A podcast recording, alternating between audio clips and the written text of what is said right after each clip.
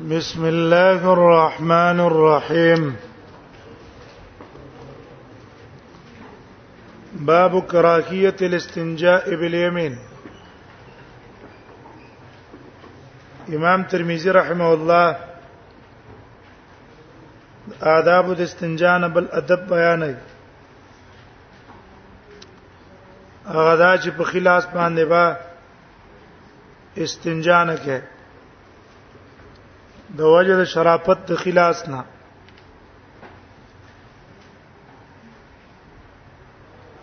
ترجمه الباب کې خوستو دا غیر اثبات لپاره اوس حدیث راوړي یا مصنف لفظ د کراهیت استعمال کو باب کراهیت الاستنجاء بالمه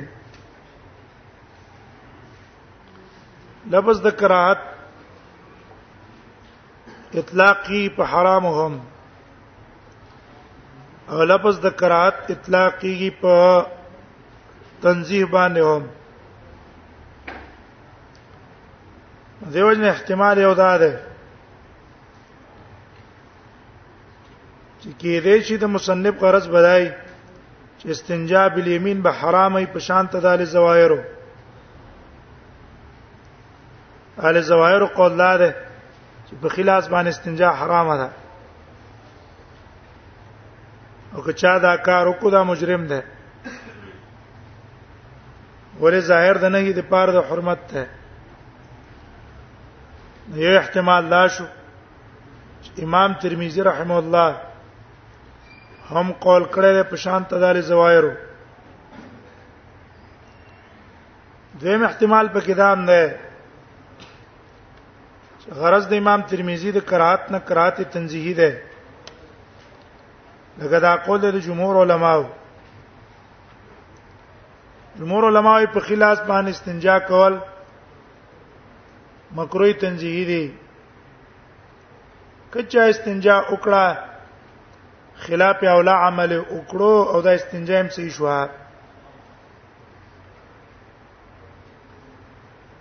نو لفظ د کراهیت کې دوه احتمالات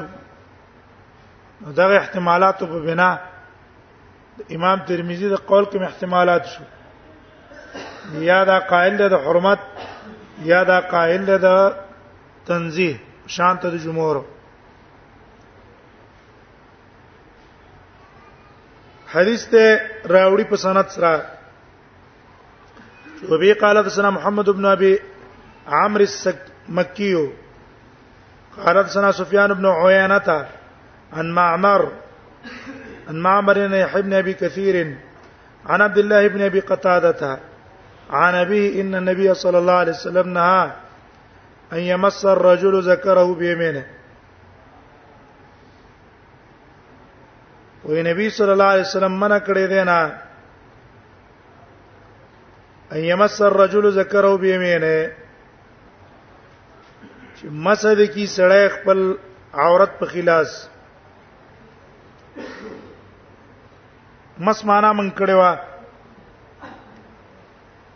یو شی ورړل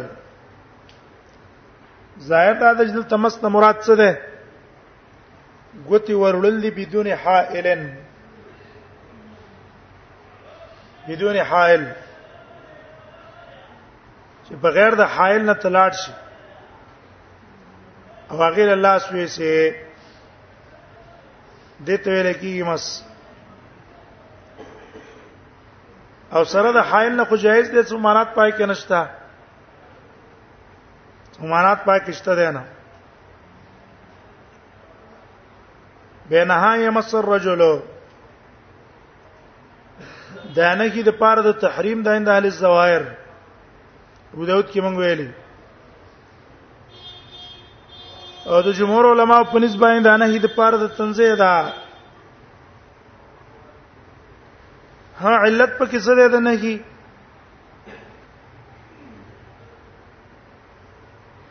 نو علت پکې شرافت او فضیلت ته یو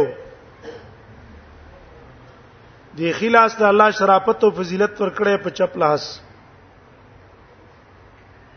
دا غیر شرافت د وجنه دا به عورت لنه وړي دیوژن عثمان ابن عفان نه نقل لي رضی الله عنه وما كذبت ولا مسست يمي بيميني ذكري منذ ان بايعت بها رسول الله صلى الله عليه وسلم کوم وخت نه چې ما د نبی صلی الله علیه وسلم سره بیعت کړی دا غنه دی خو ما دروغ نه دی ویلي او د بیعت نه بعد ما دا خیلاس چې تخپل عورت له وړه نه ده البته مې نه ده وړه دارنګ د علی رضی الله عنه نقل لې ایغه وا یمینی لوجی و شمالی لحاجتی دا خیلاس مې د مخ راخلو د پاره ده او دا چپ لاس د پار او د سماعتي ده اگر عزتمن شه ده د معنا ده حسن وې د معاویه رضی الله عنه په مخ ته پوز چونکړه خلاص معاویه رضی الله عنه ته ویله تتنخم بشمالک چپ لاس باندې پوزه سون کوا ولی خلاص احترام عزت پکار ده دیو جن دې تشریف هم پکار پاک شینو کې دا استعمالول پکار دي او چپ لاس په امور د اهانت کې استعمالول پکار دي او تفصیل لاغه منګه دا قاعده د امام نووي د قول په حواله باندې موږ تفصیل کړو حدیث د عائشه کې او په حدیث د حفصه کې نو نبی صلی الله علیه وسلم منع کړي باقي دویم اختلاف موږ ابو داود کې ویل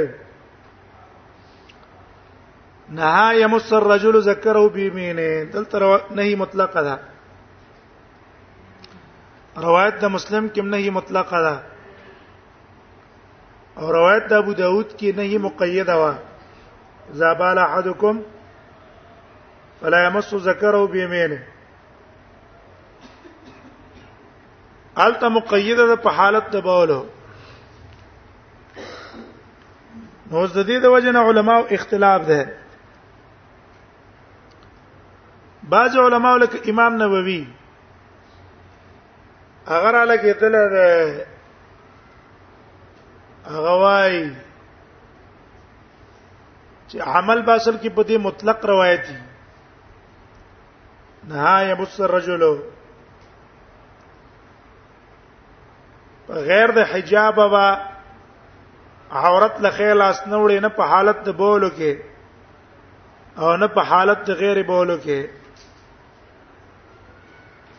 نه په حالت د بولو کې نه په حالت د غیر بولو کې او کوم روایت د ابو داود کې چې قید د بالا لګیدل نو هغه قید را لګیدلې د پاره د باب اولا باب اولا څه معنا چې ګوره په حالت استنجا کې سړي ضرورت راځي مس ذکر تبل یمین چې په حالت حاجت کې شریعت منع کړي چې په دې حالت کې وو تخیل اس نه وړي نو په غیر حالت د حاجت کې خو په طریقه ولا ولا خیر لاس نه جوړلې دویم قول او دا د امام ترمذی را هم دې ته معلومیږي امام ترمذی هم را دې ته معلومه ده دا روایت مطلق راوړی دی لیکن د امام ابو داود رحمه الله د سنعنا معلومیږي چې مونږه الته ویلو چې ګوره د په دې باب کې فل استبراء قید ولګاو باب مس بس مس الیمینی مس ذکر بالیمینی فل استبراء نو د دې فل استبراق قید نه د امام ابو داود لګي معلومیږي چې د دا حدیث د نحی محمولی په حالت د بولو حالت د قضاء الحاجه او په نور حالت کې د قائل د جواز ده دارنګي د امام بخاری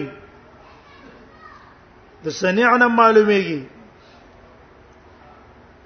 هغه باب یې خیره باب لا يمسك ذکره بيمينه اذا بالا باب لا يمسك ذکره بيمينه اذا بالا یو سړی په خپل عورت په خلاص کې نه نسی کله چې تشهود اسماته امام بخاری د قید نم اذا بالا نه معلومیږي چې دا قائل د نهي د عند البول او په نور اوقاتو کې قائل د جواز ده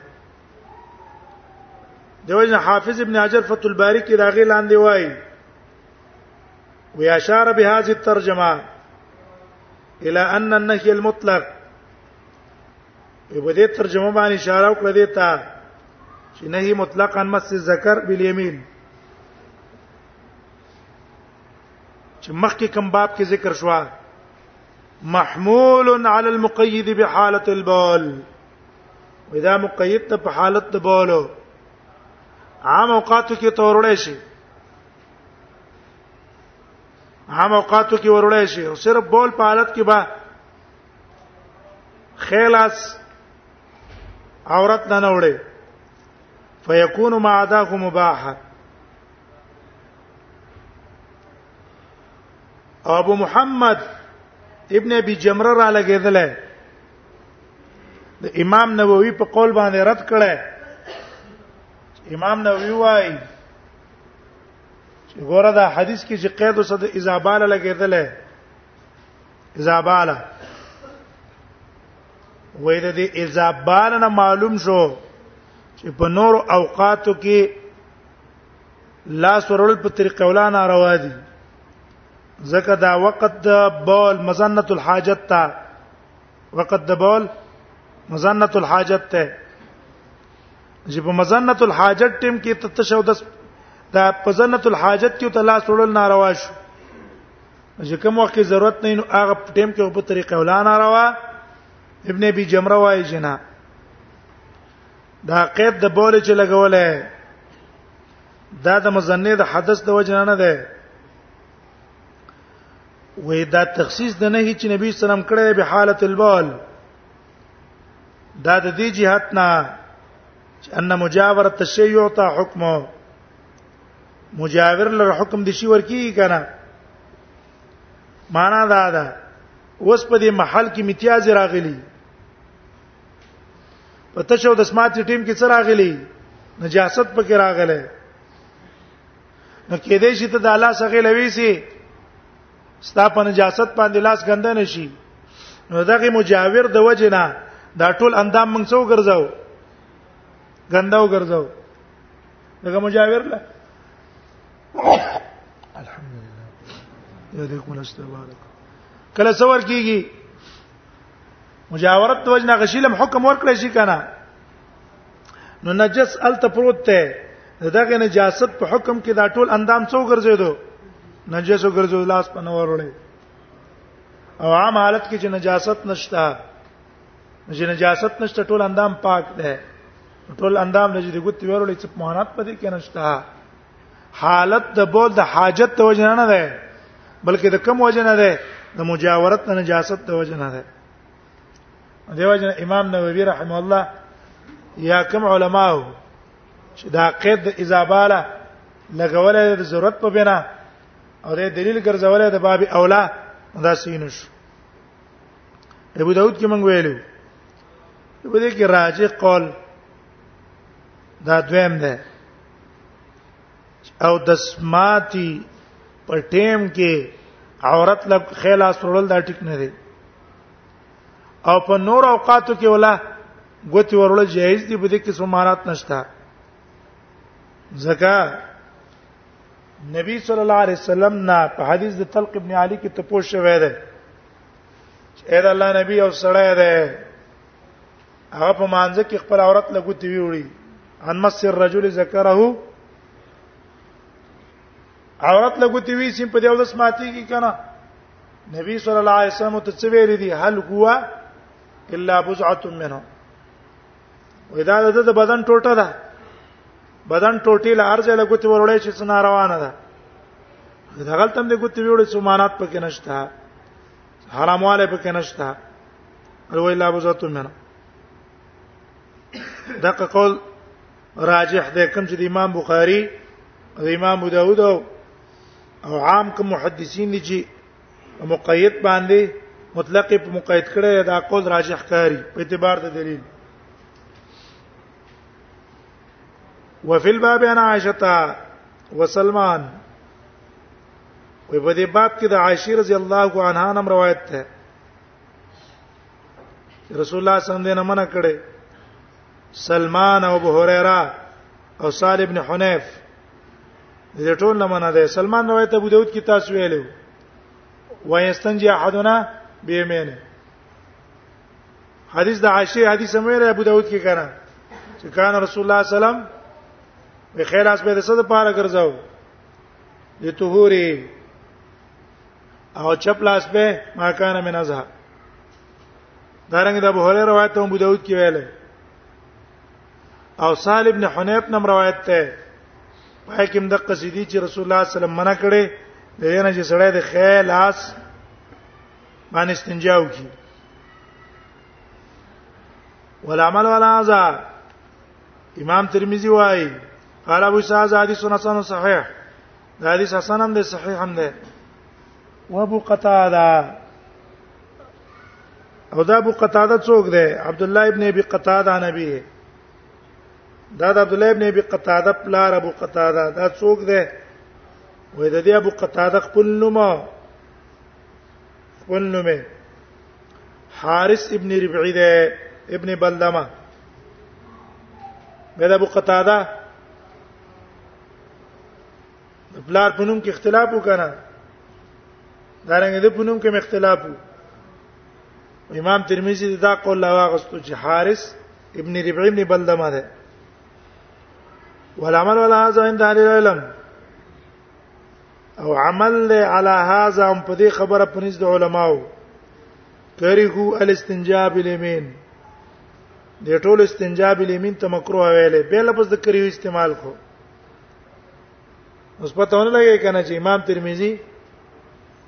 دا د علی زوایر په نن قول کوي په حرمت او کنا دا د جمهور په شان قول کوي د قرات تنزیه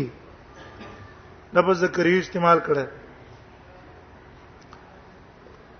باب الاستنجاء بالحجاره باب د بیان د جواز استنجا په کانو په کانو باندې استنجا جایز ده اکتفا په جایز په اتفاق د علماو چې سړی صرف استنجا په کانو باندې وکي او په هغه اکتفا وکي دا جایز شو لیکن اختلاف په عادت کې ده چې احادیث کې دا تسلیث د کانو چې راغله دا درې کان استعمالول واجب دي او کنا دا درې کان استعمالول مستحب دي ور ابو داود کې دا مسله موږ تفصیلی وکړه چې دا درې کان استعمالول اختلاف بنا ده په ډکو د سماعتي کې تشو د سماعتي کې دا خبره نشته ولی حدیث غایت ته کنا اذا ذهب احدكم الى الغائط غایت ته قید نه معلوم شو چې دا استنجا په څه ده درې کانو ده وبډک او د سماعتي کې په تش او د سماعتي کې په اتفاق باندې انقا فرض ده و یو کانو شو که په دوه شو که په درو شو او کله نه په زیاتو شو لیکن په ډک او د سماعتي کې درې کان استعمالول انقا کې اتفاق ده دا سړی بزان پاکي ځان پاکول پرز دي کدا پاکي دړه کو د سماعتي نه په یو کانیو شو که په دوه شو که په دریو شو که په څلور که په پنځه که په ارڅو باندې شو خود دې انقاص را درې کانی پورا کول دا څه حکم لري استیپا چوتوي استیپا او ثلاثه احجار درې کانی پورا کول نو د احناف په نس او د مالکیانو په نس درې کان استفاء لازم نه ده سنت ده جمهور علما په نس باندې واجب ده مثلا تفصیل څه بیان کړه او دویم استنجا کې حکم وو یار استنجا څه حکم ده اېدا استنجا په کانو باندې په اعتبار د ذات سره واجب ده کنه دا هغه اختلاف په موږ کړو بیان هم کړو جمهور په نسبت باندې واجب احناف په نسبت باندې سنت کله چې تجاوز وڅنونه کی محل نه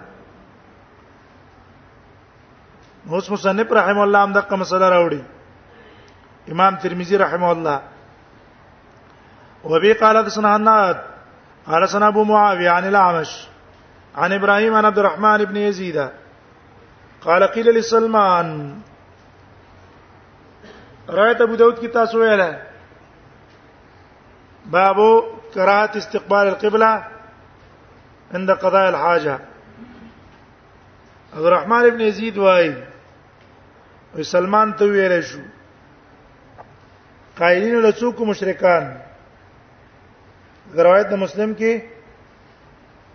قال له المشركون ده انا روایت ابن ماجه کې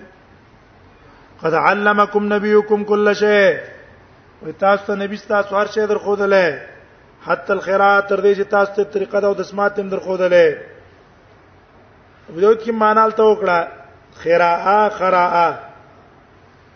کسره د خا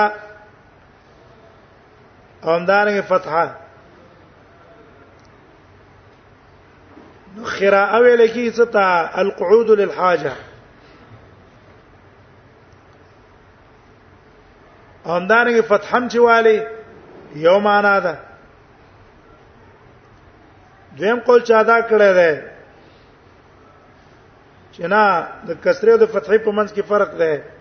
خراء ویل کی القعود للحاجه او خراء په خپل دی او د سماعت ته وایي وې تر دې چې تاسو ته در خودلې ده طریقه د اودس تی تلا څه ضرورت ته چې اودس ماته ده خو طبيعي امر ده هر یو تن په دې باندې پويږي او غرض د د دې مشرک څو اعتراض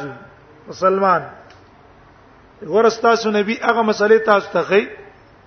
چې دا غي تعلیم ته ضرورت نشته حاجت ته نشته سلمان تو ویل او اجل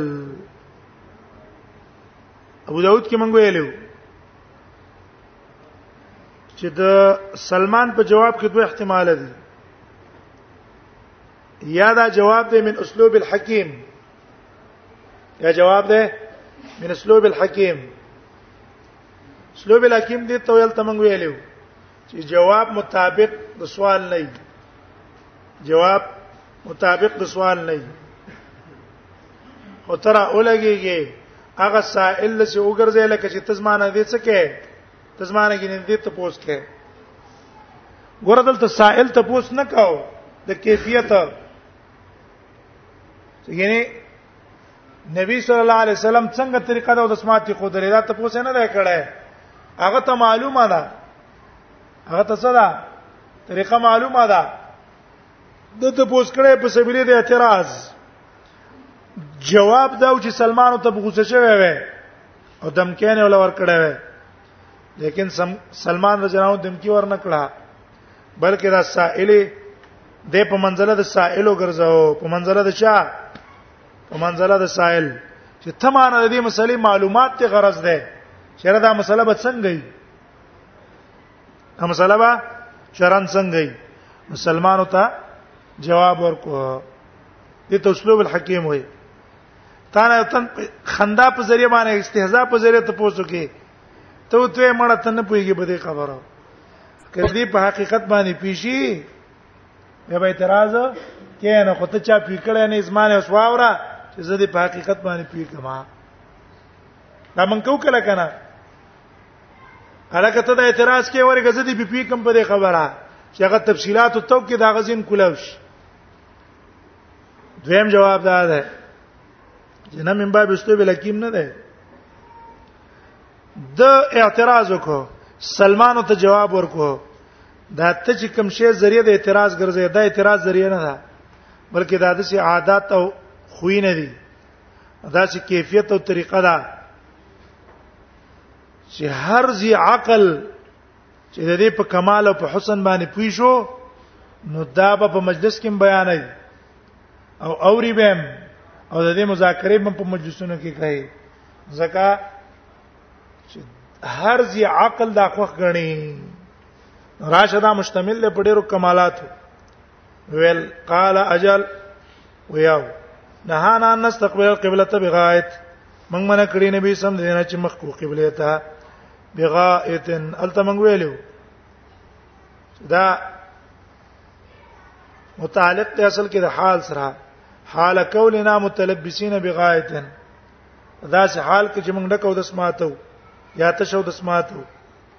او ان استنجا بالیمین یاد موږ استنجا په خلاص کو او استنجا احدنا بیا قل من ثلاثه احجار یاد استنجا او کیو تنز من کم د درې قانونا د قانون وکم استنجا نه کو بل وان استنجا برجیع او بعزم یاد موږ استنجا کو بعزم او رجیع پاړو کې البته به موږ ویلو ګورا چې رجی او عزم ذکر کړو عزم چې عزم ارډو کې ته مراد ده ک زوړی او ک تازه نه به کې رجی خوشیان نه به نه کې علتونه به ابو داود کې مونږ ویلو حدیث سره مناسبت به څه شو هغه دې کې وایي استنجي احدنا باقل من ثلاثه احجار موږ نبی سلام منع کړی دی نه یو تن د زمنګ د درې کانو نه کم باندې څوکي استنجاو کی بل ته موږ ویلو چې ظاهر خو معنا دا ده چې موږ نبی سلام منع کړی دی نه ان استنجي بالیمین وښوي هغه ټیک شو وینستنجا احدنا درې کانو باندې وستنجا نه کوي حلال چې موږ تمر په درې کانو شوی ده کنه ده هغه دا چې لام برو باسي ولا نستنجیا بیا قل من ثلاثه احجار ټیک شو ولا نستنجیا احدنا بیا قل من ثلاثه احجار دینه موږ منه کړی یا مرنا نستنجا الله نستنجا بیا قلم من ثلاثه احجار باقی د مسلې حدیث ته مسله د سلمان فارسی احوال هغه ابو داود کې موږ تفصیلی بیان کړ دریم باب کې باب استقبال قبله کې وفي الباب عن عائشه وخزيمه بن ثابت په دې باب کې د عائشه رضی الله عنها روایت هم ده خزیمه بن ثابت هم ده جابر ده خلاد بن صاحب ده د عائشه روایت ابو داود کې تاسو ویلو چې رسول الله صلی الله علیه وسلم فرمایي اذا ذاب احدکم من الغائط فليذب معه بثلاثه احجار فانها تجزئ عنه تفصیل عمل ته ویلو دا مسلم په کې تفصیلیال ته بیان کړ ابو داود سره امام نسائی راوړی امام دارمی راوړی دویم حدیث د خزیمه خزیمه بن ثابت خزیمه ابن ثابت روایت هم تاسو ابو داود کی ویلو سویل النبي صلی الله علیه وسلم الاستطابه فقال بثلاثه احجار ليس فيها رجيع به په سیل تقال ابو داود کذا رواه اسامه هل تقال ابو داود کی هغه اشاره وکړه دا درې مدي څه جابر جابر روایت امام احمد راوړی نبی صلی الله علیه وسلم فرمایي زستجمر احدکم فليستجمر ثلاثه کله چې استنجا کوي او تن تاسو په کانو فلستجمر ثلاثه درې کانې د استعمال کی حسمی داغه په بارک کې رجال او ثقات او حدیث د صاحب ابن یزید چې د خلات پلار دی د امام تبرانی راوړی دی المعجم الكبير کې هم او په معجم الاوسط کې هم نبی صلی الله علیه وسلم فرمایي زاده قال احدکم الخلا فليمسح بثلاثه احجار یو تن تاسو نه بیرت الخلا تلاړ شي درې کانو استنجا کوي لیکن د دې په سند کې حماد ابن الجعد ده سند کې حماد ابن الجعد ده او قد اجمعوا على ضعفه د ټولو علما اجماع ده داغه په ضعف دا ضعیف ده قال ابو عيسى واي حديث سلمان حديث حسن صحيح دا حدیث ته حسن صحیح ده او قول اکثر اهل علم من اصحاب النبي صلی الله علیه وسلم دا قول ده د جمهور علما او د اکثر اهل علم د اصحاب د نبی صلی الله علیه وسلم او من بعدهم راوا ان الاستنجاء بالحجاره يجزئ چې استنجا په کانو کافی ده ویلم استنجي بالماء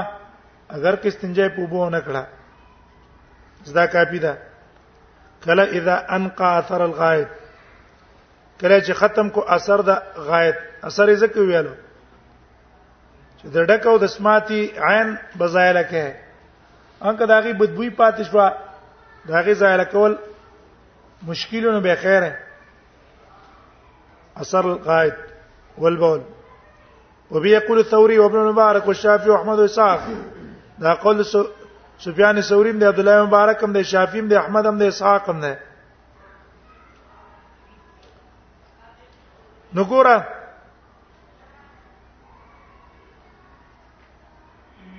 دلته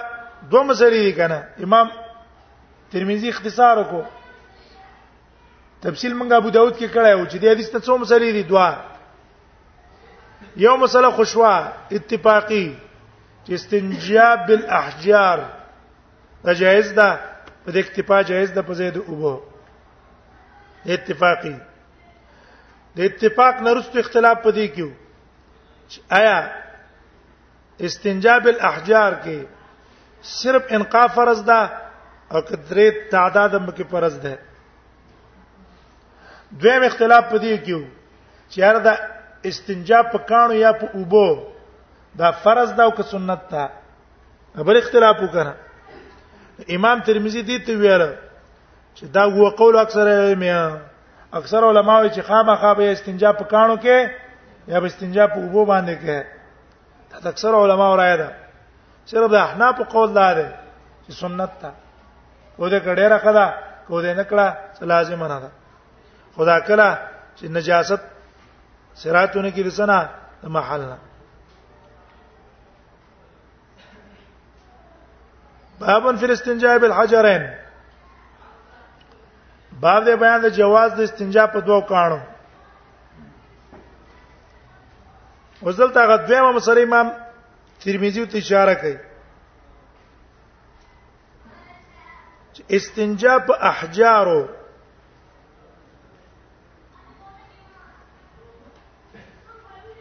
جائز ده ولیکن استنجا بالاحجار کې درې کان استعمالول فرض دي او کنا او کدرې کانو نه کوم باندې استنجا کولای شي دلته وسوي باب فی الاستنجاء بالحجرین دا دلیل ده د داوودی ظاهری هم دغه داودي زهریم په دې کې د حناف سره او د امام مالک او د امام بونیفا دی وای چې انقا فرض ده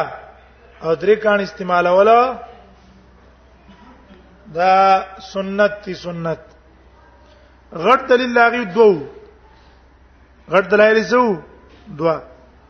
یو دا مشهور حدیث ته د عبد الله بن مسعود ابو داود کې تفصیلا منګه استدلال لاغي ویل تحوی په استدلال کړه چې ګوره ک چرته په دوه کاڼو باندې استنجا جایز نه وای رسول الله صلی الله علیه وسلم د تامر په څه کړه وای په دریم دریم به کړه خو دریم ته طلب نکو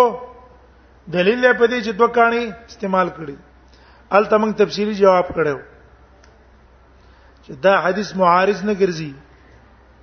دا هغه حدیث وسه چې پای کې تصریح په دې کانو باندې راغله یو خدا ده چې په دې حدیث کې روایت د مسند احمد کې خپل امر دی بالثالث دوی حافظ وای حافظ ابن حجر چې امام تحاوی کوم استدلال په دې حدیث کړی دی دوه کانو لپاره دا غافل شوی دی د روایت د شانه روایت د مسند احمد نه ولی پاک خپل امر ده امرني ان اتيه بثالثه بثالثن په دریم کاڼي ما ته حکم کړه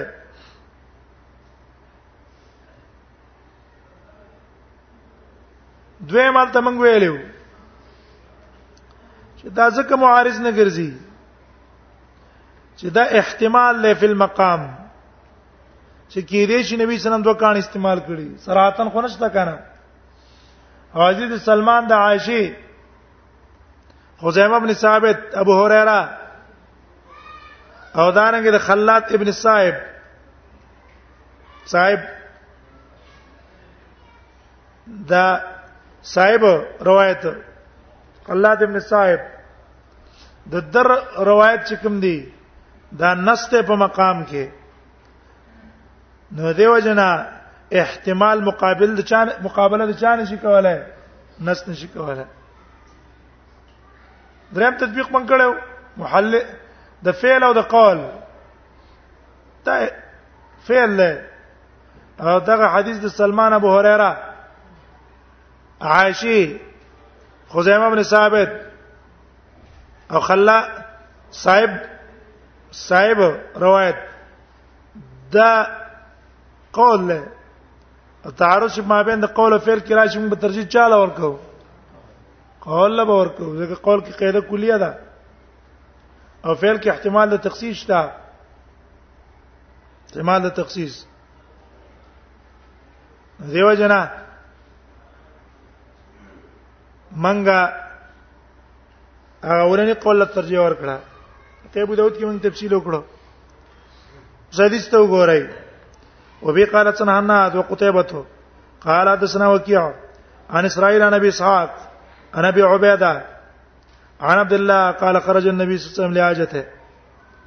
نبی سمو د سماعت ته وته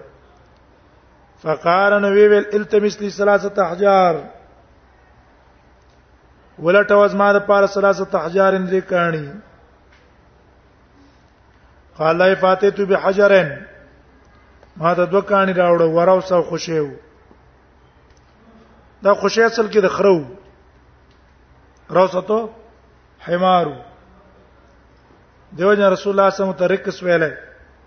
ان رجس دیو جن احناب کو په دې دي استدلال نشي په کومه مسله کې په دې کې چې را بول د معقول لحم نجس دي ځکه رسول الله صلی الله علیه وسلم ته ویلې رکس یا رجس ته ویلې ګوره یو حدیث دی یو حدیث ډېر مسائل وزي ټوکی ډېر مسائل تی وزي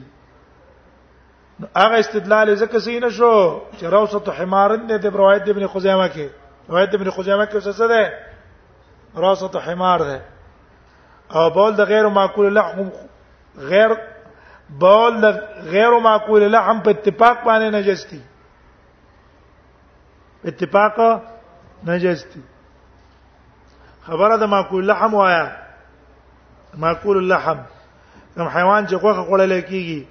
دا هغه بول نجستی کې نه دی په کې مسله ده دیو جن احناف کو بدی استدلال نشي په مقابل د جمهور قول کې استدلال ټیک نه دی ځکه دا روسته حمارن د روایت ابن خزیمه کې سند هم صحیح ده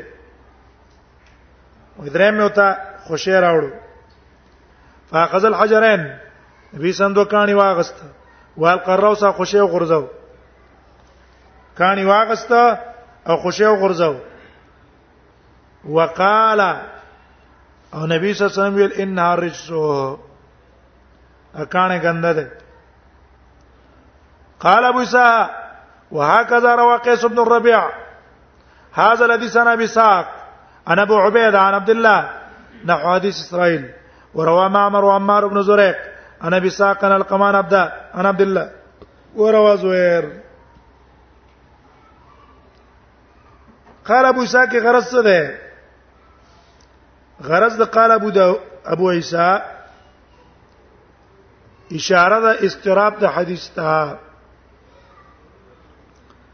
دا حدیث مسترب ده او وجه د استراب بن بیان کی او بیا وقال ابو عیسی سالت عبد الله ابن عبد الرحمن او سالت محمد ان هذا پای کې به جواب وکي استراب او ترجیب ولور کی بس په دې به بس پنو